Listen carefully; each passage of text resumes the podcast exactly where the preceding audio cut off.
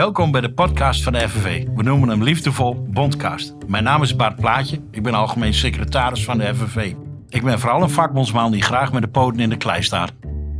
Vandaag in de Bondcast Jill Lafleur. Jill, jij werkt bij on- ons onvolprezen bureau gastlessen van de FNV. Ja. Ehm, ik zou je zo meteen vragen om jezelf even wat verder voor te stellen. Maar wat voor ding? Gastlessen? Wat voor ding? Wat voor ding is dat? Gastlessen. Oh, gastlessen. Wij geven gastlessen op eh, MBO-scholen. Ehm, dit eh, gaan, ga- zijn lessen over eh, arbeidsrecht, eigenlijk over de vakbond. Heel laagdrempelig geven we dit aan studenten. Ja, MBO-studenten zijn meestal tussen de 16 en de, ja, ik denk begin 20. Ja. Ehm, dus eigenlijk zijn wij wel de eerste kennismaking met studenten over de vakbond. Het is natuurlijk wel een beetje eh, eh, flauw voor mij om te vragen naar de bekende weg. Hè? Want ik ben onlangs met een collega van jou meegeweest naar het eh, Alpha College in Groningen. Om eens te kijken hoe doen we dat eigenlijk als FNV, die gastlessen. En ik vroeg me wel af, waar vinden we die toppers zoals jullie? Hoe, hoe, ben je hier terechtgekomen? Ehm, nou, dat is een grappig verhaal. Ik, ik werkte hiervoor bij een uitzendbureau. En ik heb daar echt meegemaakt hoe slecht ja, jongeren vooral behandeld werden.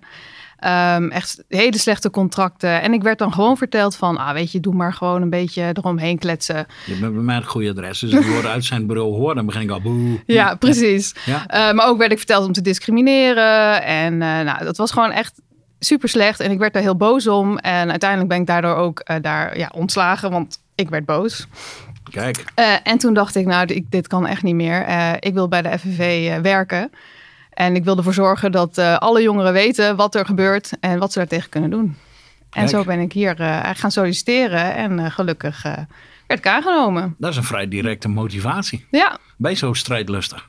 ja, wat dat betreft wel. Ja, maar Ja. Ik, ik, stond in, ik mocht aan zo'n gastles meedraaien in Groningen. Stond ik met jouw collega Robin daar voor een klas met MBO-scholieren.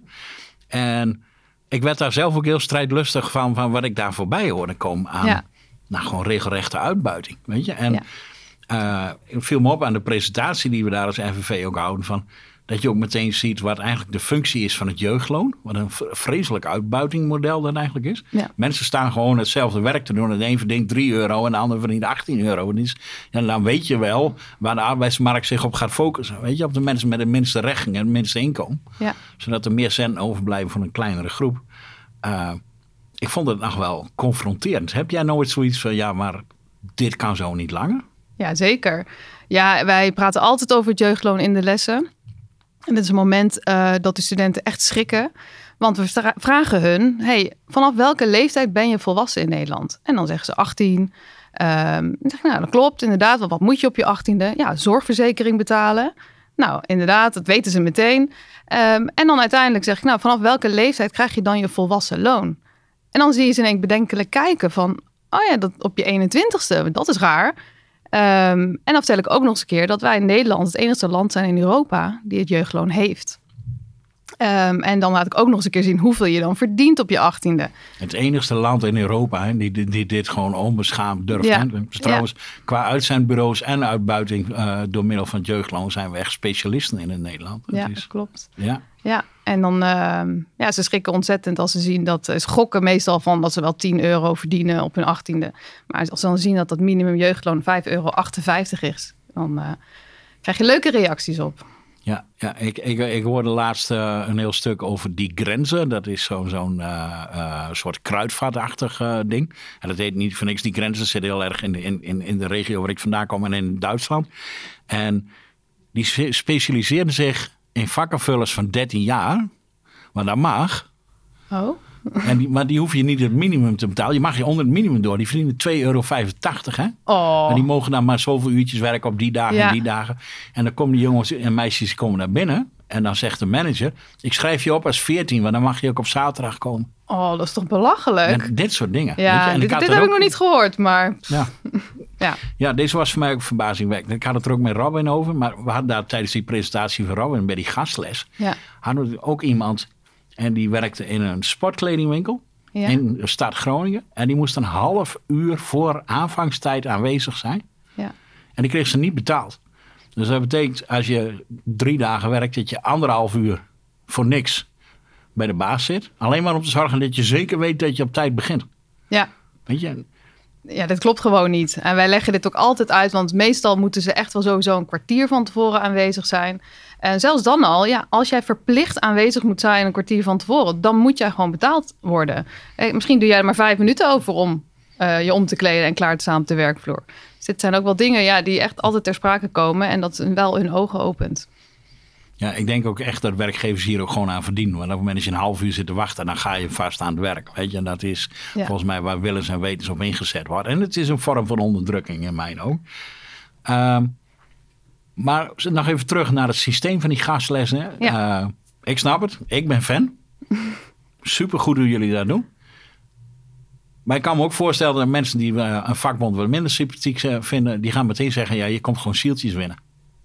Ja, nou, ik moet eerlijk zeggen dat ik bij de studenten die opmerking niet vaak krijg. Um, en wij komen daar niet om um, per se leden te werven.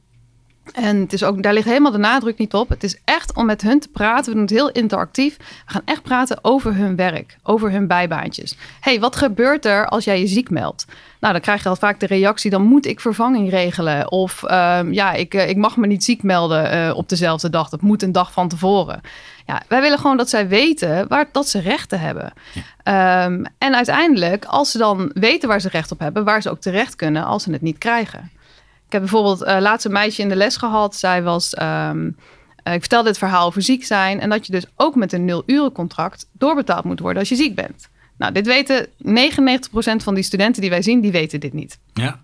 En um, dus ik vertelde dit verhaal en zij zegt: hey, dan heb ik gewoon zes maanden loon misgelopen. Want ik werkte er al twee jaar. En toen ik ziek werd, zei de Jumbo gewoon tegen mij: van, Nou, kom maar terug als je beter bent. En uh, ik heb het even met haar uitgerekend en zij was ongeveer 1000 euro misgelopen. En ik heb haar dus uitgelegd van ja, als je dus lid van ons bent, dan kun je dit dus terug gaan halen. Ik help haar nu wel een beetje om dat terug te halen, nog met brieven schrijven. Ja. Maar dat maakt wel een heel goed voorbeeld voor de, um, voor de studenten van hey, wat kan je doen als je onrecht wordt aangedaan? Moet je nagaan wat een informatieachterstand er ook, ook uh, voor een verschil maakt. Zeker. Dat is iemand die en dus we hebben maatschappijen gericht waarin je voor uh, 3, 4, 5 euro uh, aan het werk kan. Voor, voor werk waar, waar iemand die een paar jaar ouder is gewoon drie keer zoveel vervangt. Ja. Uh, dus het uitbuitingsmodel staat al klaar. En op het moment dat je dan ziek wordt, ja.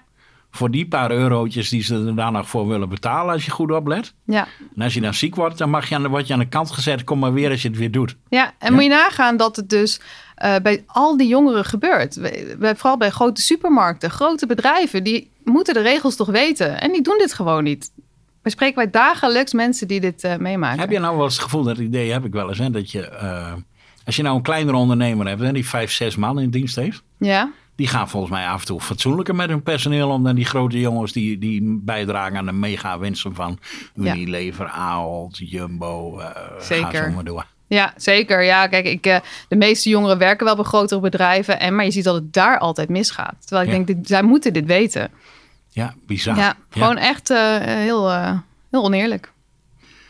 Hey, en jij krijgt dus bijna dagdagelijkse basis de voorbeelden voorbij, hè? Ja, zeker. heb je nou, ben je nou nog verrast de afgelopen tijd? Dat je dacht, huh, gebeurt dat ook? Pff, ja, heel veel eigenlijk. Laatst ook weer een jongen die mij opbelde na een les. Um, en die zei van, uh, hey, ik ben ontslagen. En zeg ik, nou, hoezo dan? En uh, toen zei hij van, uh, ja, ik was een vechtpartij, maar was niet mijn schuld. Dus nou, laat mij die brief even zien die je gekregen hebt. Dus ik heb die brief gelezen en er stond niet in dat hij ontslagen was. Er stond in dat hij zelf ontslag nam. Maar op zo'n manier geschreven dat hij dat niet zo begreep.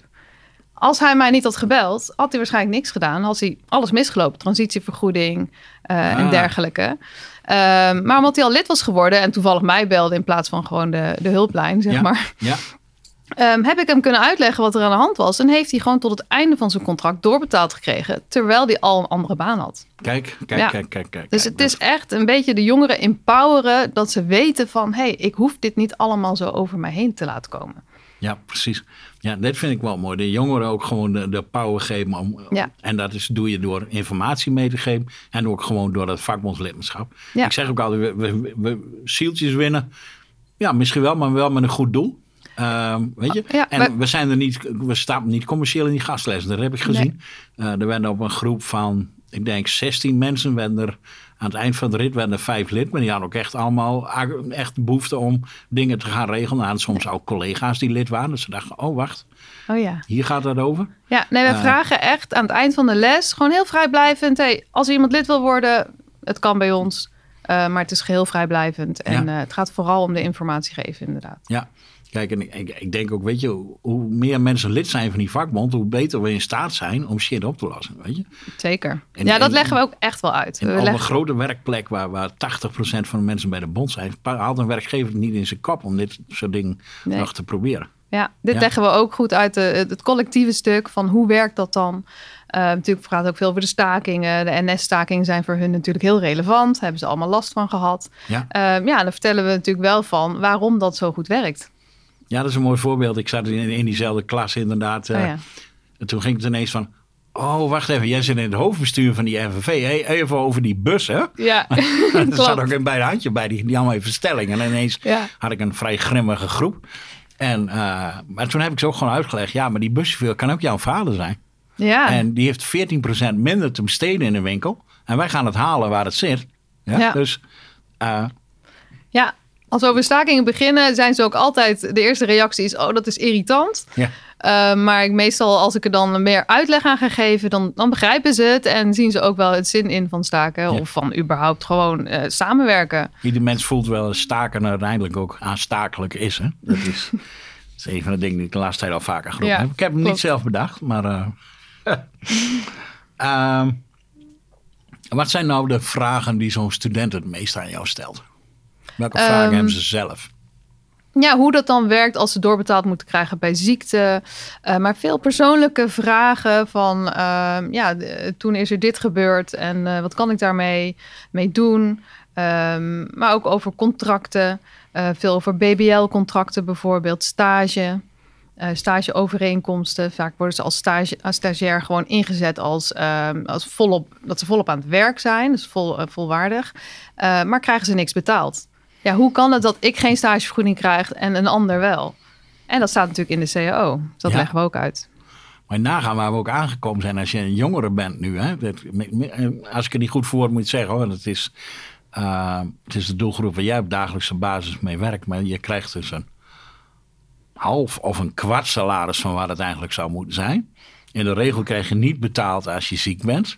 Nee. Uh, het is maar onzeker of je mag blijven. Heel vaak word je er ook nog een poosje weer uitgeschopt. Ja. En daar komt zo'n pakket aan uitbuiting voorbij. En dan hebben we dus nog een groep, de stagiaires, Ja, die we gewoon gratis aan het werk kunnen zetten. ja, Dat, dat de werkgevers iedere keer weer op zoek gaan naar die bodem daar Dat is verbijsterend. Er, lijkt geen enkel geweten of besef meer aanwezig soms. Hè? nee, nee dat, dat klopt wel hoor. Je hoort echt schrijnende verhalen voor studenten. En het is gewoon zo um, sneu dat ze soms niet weten waar ze naartoe moeten. En maar denken, hé, hey, maar dit is hoe het werkt.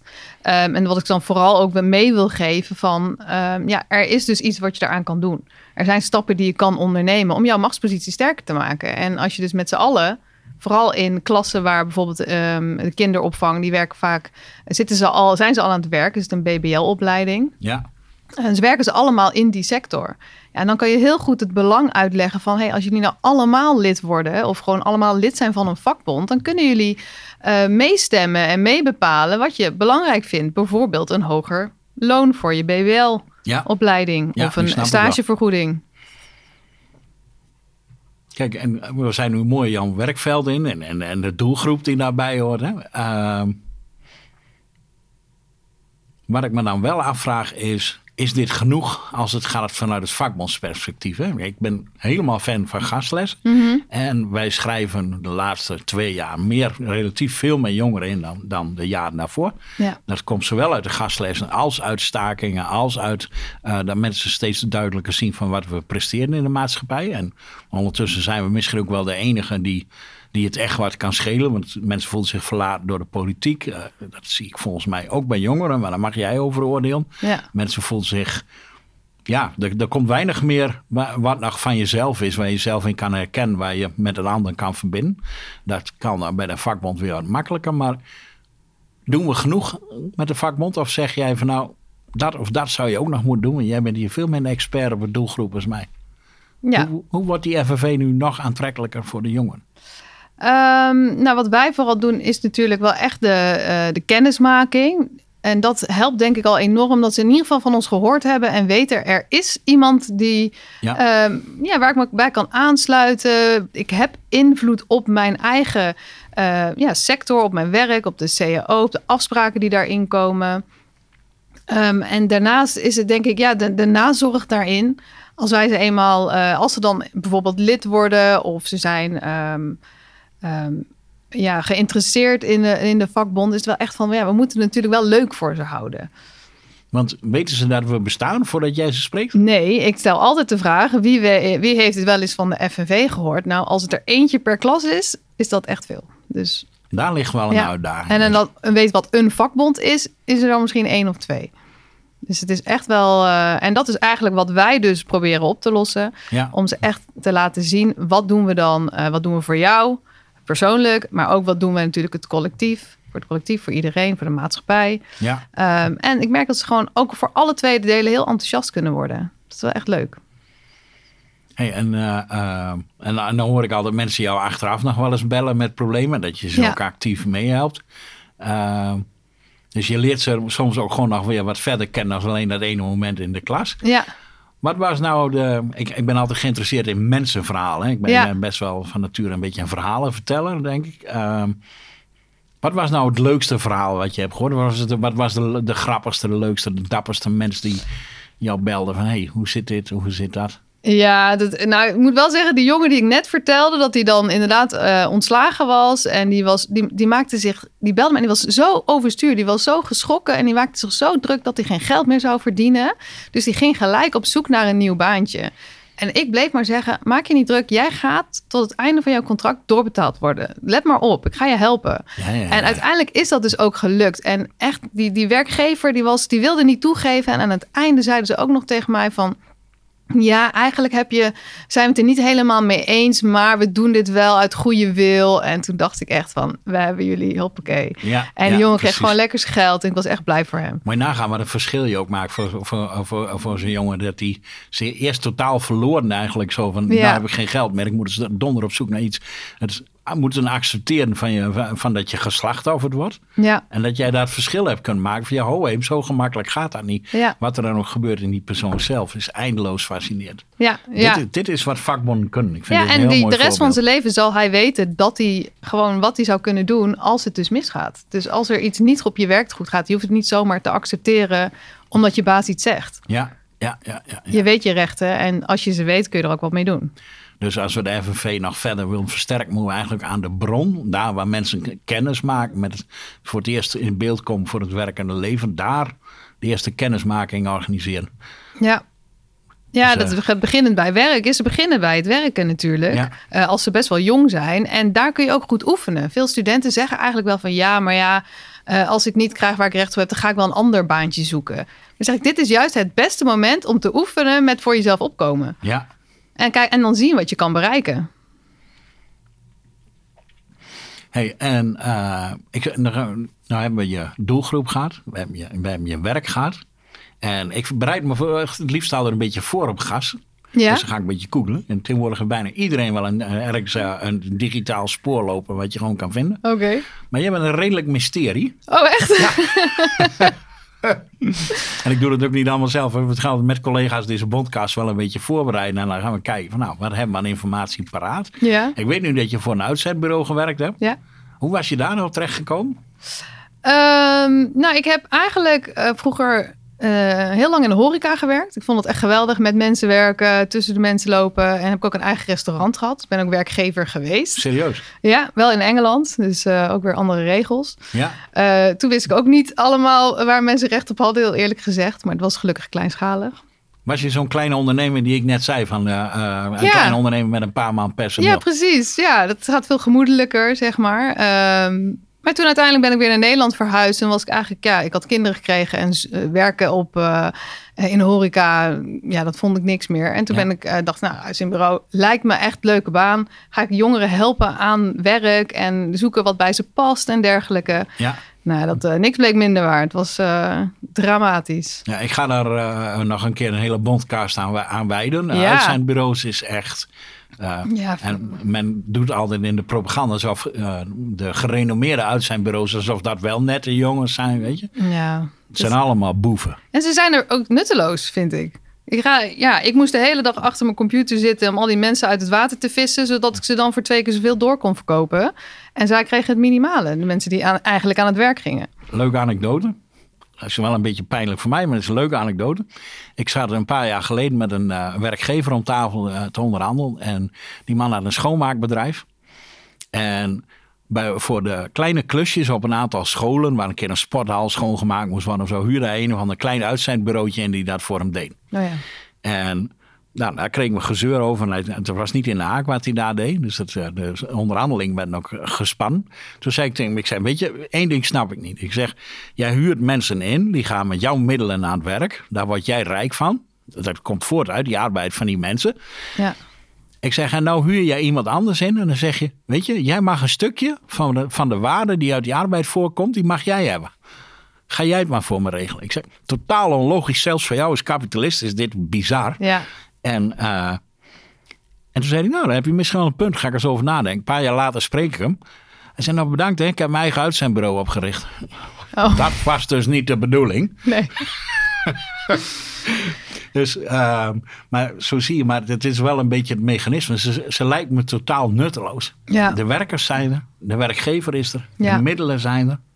En alleen, volgens mij, als er wat uit te buiten is, als er wat af te breken is, als er ergens op een andere manier dan, die, dan dat economische proces wat te verdienen valt, dan komen die Ja. uitzendbureaus in Ja. beeld. En als je dan kijkt, dit, met gastlessen heb ik me een beetje ingehouden. hoor. Ik heb vrouw Robin zijn verhaal laten doen. En, en dit soort materie kan je niet out of the blue even over mensen die nog niet weten wat een vakbond is eh, Nee. uitrollen. Uh, maar ze krijgen er wel grotendeels allemaal mee te maken met die uitzendbureaus. Ehm, ja, het is wel steeds minder. Ehm, zie ik het, maar je krijgt nu die nieuwe platforms met young ones. En, Ja. ehm, en dan zijn ze dus ineens, krijg je te horen, hey, ik ben ZZP'er, ik ben freelancer. En ja, dat vind ik soms ook wel heel zor- zorgelijk, wat daar allemaal gezegd wordt. Want ze weten dan vaak ook niet dat ze dus achteraf ja, de belasting nog moeten betalen. Eh, nu ook met de belastingteruggave, dat doen wij ook. Eh, in de belastingperiode doen wij belastinglessen. Ja. Door belasting terugvragen met de studenten. Ja, vaak met jongens moeten ze dan betalen. En daar hebben ze niet altijd op gerekend. Bij bedrijven zoals Young Ones. Ja, Ehm, ja, ja. Ja. Er kwam laatst ook nog zo'n dikke boef voorbij. Die nou het FNV-bestuur nog helemaal onder vuur. Uh, Ja, ja, we winnen nog wel eens wat rechtszaken van die lui. En, uh, Ja. nou, ik werd er pijnlijk aan herinnerd. Dat het is helemaal niet pijnlijk. Dat ik, ik werd weggezet samen met Tuur en Kitty Jongens. De boomers die het uh, voor de jeugd gaan beslissen. Ik heb het gelezen. Ze vergaan de andere helft van het bestuur. Die, die, die, die 40 en in de 20 zijn. Maar Ja. vooruit maar. Uh, als ze terugvechten, betekent dat je ze geraakt hebt. Dus je valt inderdaad nog een wereld te verbeteren. Ja, zeker. Maar ook uitzendbureaus. Ja, ik begrijp niet waarom die zo'n andere regels hebben dan de rest. Met de hele ketenregeling. En uh, ja, je daar vijf jaar flexibel mag werken. Ja, dat is ik, bizar. Ik vind dat echt oneerlijk. Ja, nee, Ja. helemaal eens. Helemaal eens. Um, en als jij nu nog de jongeren die jij niet kunt spreken, hè, want je kan niet overal tegelijk zijn. Nee. En Robin ook niet en jouw collega's ook niet. nee. Oh, dan laat ik de eerste volgende vraag stellen. Met hoeveel uh, gastlesdocenten zijn we eigenlijk? Uh, volgens mij 13 momenteel. 13, ja, door heel Nederland geven Ja. wij gastlessen. Um, dus ja, we zien volgens mij per jaar uh, ongeveer 30.000 studenten. Um, dus dat, ja, dat, dat ja, zet wel zo aan de dijk, hoop ik. Ja. Dat ze in ieder, geval, in ieder geval van ons gehoord hebben en weten wie we zijn. En wat ik het leukste vind, is dat wij uh, sowieso aan het einde van de les altijd hele positieve reacties krijgen van studenten. Ik echt, heb het gezien, ja. ze komen ja. je echt bedanken met, oh, ik heb hier echt wat aan gehad. Waarom krijg ik dit niet op school? Um, uh, maar ook, we bellen ze ook nog wel eens na als ze aangeven dat ze wel interesse hebben. Ja. Uh, bellen we ze nog wel eens op van, nou, had je nog vragen? En ik krijg altijd, vraag altijd de vraag van, um, ja, wat vond je van de les? Altijd enthousiast. Ik heb nooit een, uh, ja, iemand gehad die zegt, nou, ik vond niks aan. Ja, dat matcht wel met wat Ja. ik bij Robin gezien heb. Dus uh, we hebben Ja. hier echt wel iets te pak. En ben jullie ook heel erg dankbaar voor, de, voor het werk dat jullie doen. Dank je wel. Weet je, ik denk dat we als vakbond niet zonder kunnen zijn dit soort dingen. En misschien het, dan moeten we er nog wel veel meer op gaan focussen. Dat zijn allemaal dingen voor de toekomst. ja. Maar als jij al die jongeren die we nu niet, uh, die we nu niet kunnen bereiken. Want ja, met 13 man kan je niet heel Nederland bestormen. Nee. wat zou je ze mee willen geven? Um, ja, dat ze echt veel meer recht hebben dan ze denken. Ehm, en ja, goed met elkaar in gesprek moeten gaan. Ook met je collega's inderdaad, met je vrienden. Van hey, uh, ja, hoeveel verdien jij dan en wat vind jij daar dan van? Want in Nederland praten we vaak niet over hoeveel je verdient. Ja, Ja, eigenlijk ook iets bizars. Ja. Dus ehm, zeker, ga met elkaar in gesprek. Ga samenwerken. Ga samen sterk staan. En kom op voor je rechten. Dat is wel een hele goeie wat je Ja. nou zegt. Het valt me vaker op dat we hebben in Nederland is ons als Calvinisten aangeleerd dat jouw centjes zijn jouw centjes. Ja, Terwijl je weet pas als je bedonderd wordt, als je de loonstrook van de ander ziet. Hè? ja precies. Ja. Ja. dat is het. Als je het niet weet, kun je er ook niks mee doen. Ja. En dat is wat die studenten ook toch wel vaak... eh, ja, weten ze niet waar ze recht op hebben. Ehm, dus ik wil eigenlijk dat ze het allemaal weten. En gelukkig via social media zie je steeds meer. Ook via and United. Ehm, die hebben een hele leuke Instagram-site en, eh, en Ja. dergelijke. En, eh, en daar wordt heel veel op gedeeld. En dat spreekt de jongeren natuurlijk heel erg aan. ja, precies. Echt arbeidsfeitjes, echt leuk. Ja. Ja. Nou, Jill, dus eh, het wordt tijd dat jongeren goed doorkrijgen waar ze recht op hebben. Dat Ja. ze die informatie gaan opzoeken. Dat ze zich gaan organiseren. Zodat ze ook schouder aan schouder met de andere jongeren waar ze mee moeten werken. Dat ze, dat ze de zaak gaan verbeteren. De noodzaak is er als je maar een paar euro krijgt. Waar het eigenlijk vier keer zoveel moet zijn. Ja, En uh, op het moment dat je niet doorbetaald krijgt bij ziekte. En al die andere nare dingen die we gezegd hebben. ja. Dus uh, ik vind dat een uh, compleet advies wat je daar afgeeft. En ja, ik denk dat ik daar zelf ook wel een uh, opdracht voor mezelf aan kan ontlenen in het hoofdbestuur van de FNV. Nou, mooi. Ik dank je wel voor je inzet. Dankjewel. En dank je wel voor je aanwezigheid hier. En uh, mooi verteld. Dank je wel. Ja, graag gedaan. Dankjewel. Bedankt voor het luisteren naar de FNV podcast. Wil je meer informatie over de bond? Kijk dan op fnv.nl. Als je lid wilt worden, kijk dan op fnv.nl slash lid worden. Tot de volgende keer.